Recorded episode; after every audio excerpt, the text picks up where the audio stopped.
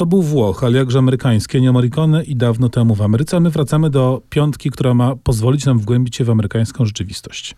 No i rzeczą oczywiście, bez której nie da się zrozumieć Ameryki, jest rasa i wszystko, co z nią e, związane. Chyba najwspanialszą książką napisaną o doświadczeniu czarnego afroamerykanina w Ameryce jest książka Niewidzialny człowiek Ralpha Waldo Ellisona, która jest książką no, samą w sobie absolutnie e, znakomitą. To jedna z największych, najwybitniejszych e, amerykańskich powieści. Rozumiem, że z niewidzialnym człowiekiem Wellsa to nie ma nic wspólnego. Absolutnie nic i z człowiekiem e, bez właściwości też niewiele.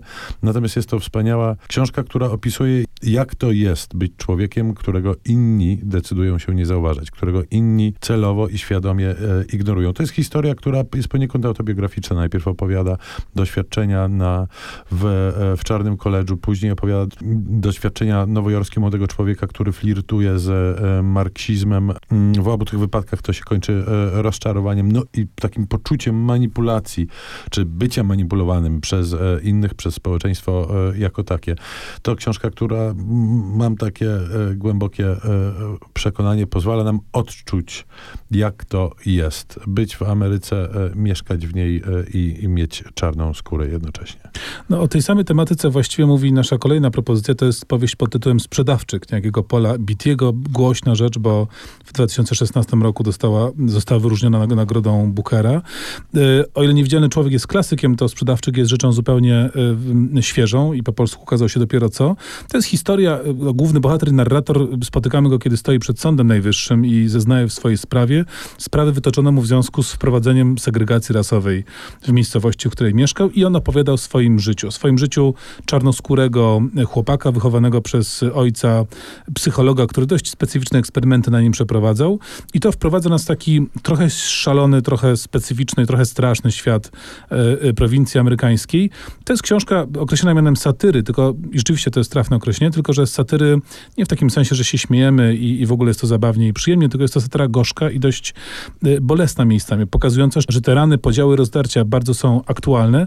Znaczące jest też to, że ta książka jest bardzo mocno zakorzeniona w amerykańskich realiach. To widać choćby po tym, że polski polski przekład został zaopatrzony y, liczne przypisy, bardzo ciekawe i bardzo inspirujące, które rzeczywiście pozwalają nam wejść w, jakby zrozumieć cały kontekst uprzedzeń rasowych wciąż y, niestety jakże żywych. To jest rzeczywiście soczysta literatura, a zarazem to taki kawał wykładu na temat rasowości Ameryki Północnej. Wracając e, do Trumpa. Bo to poniekąd jemu dedykujemy tę piątkę.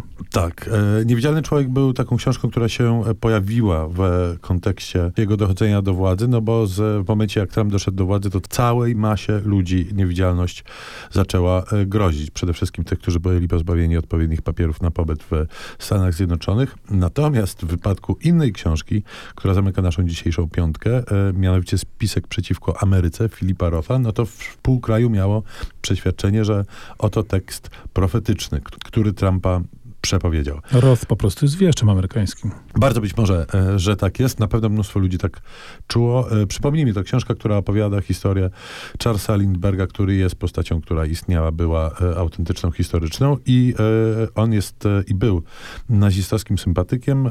Wygrywa wybory w Stanach i przejmuje władzę. Tam się dzieją straszne rzeczy. Jest jakiś znany z Europy z tamtych czasów szalejący antysemityzm na ulicach.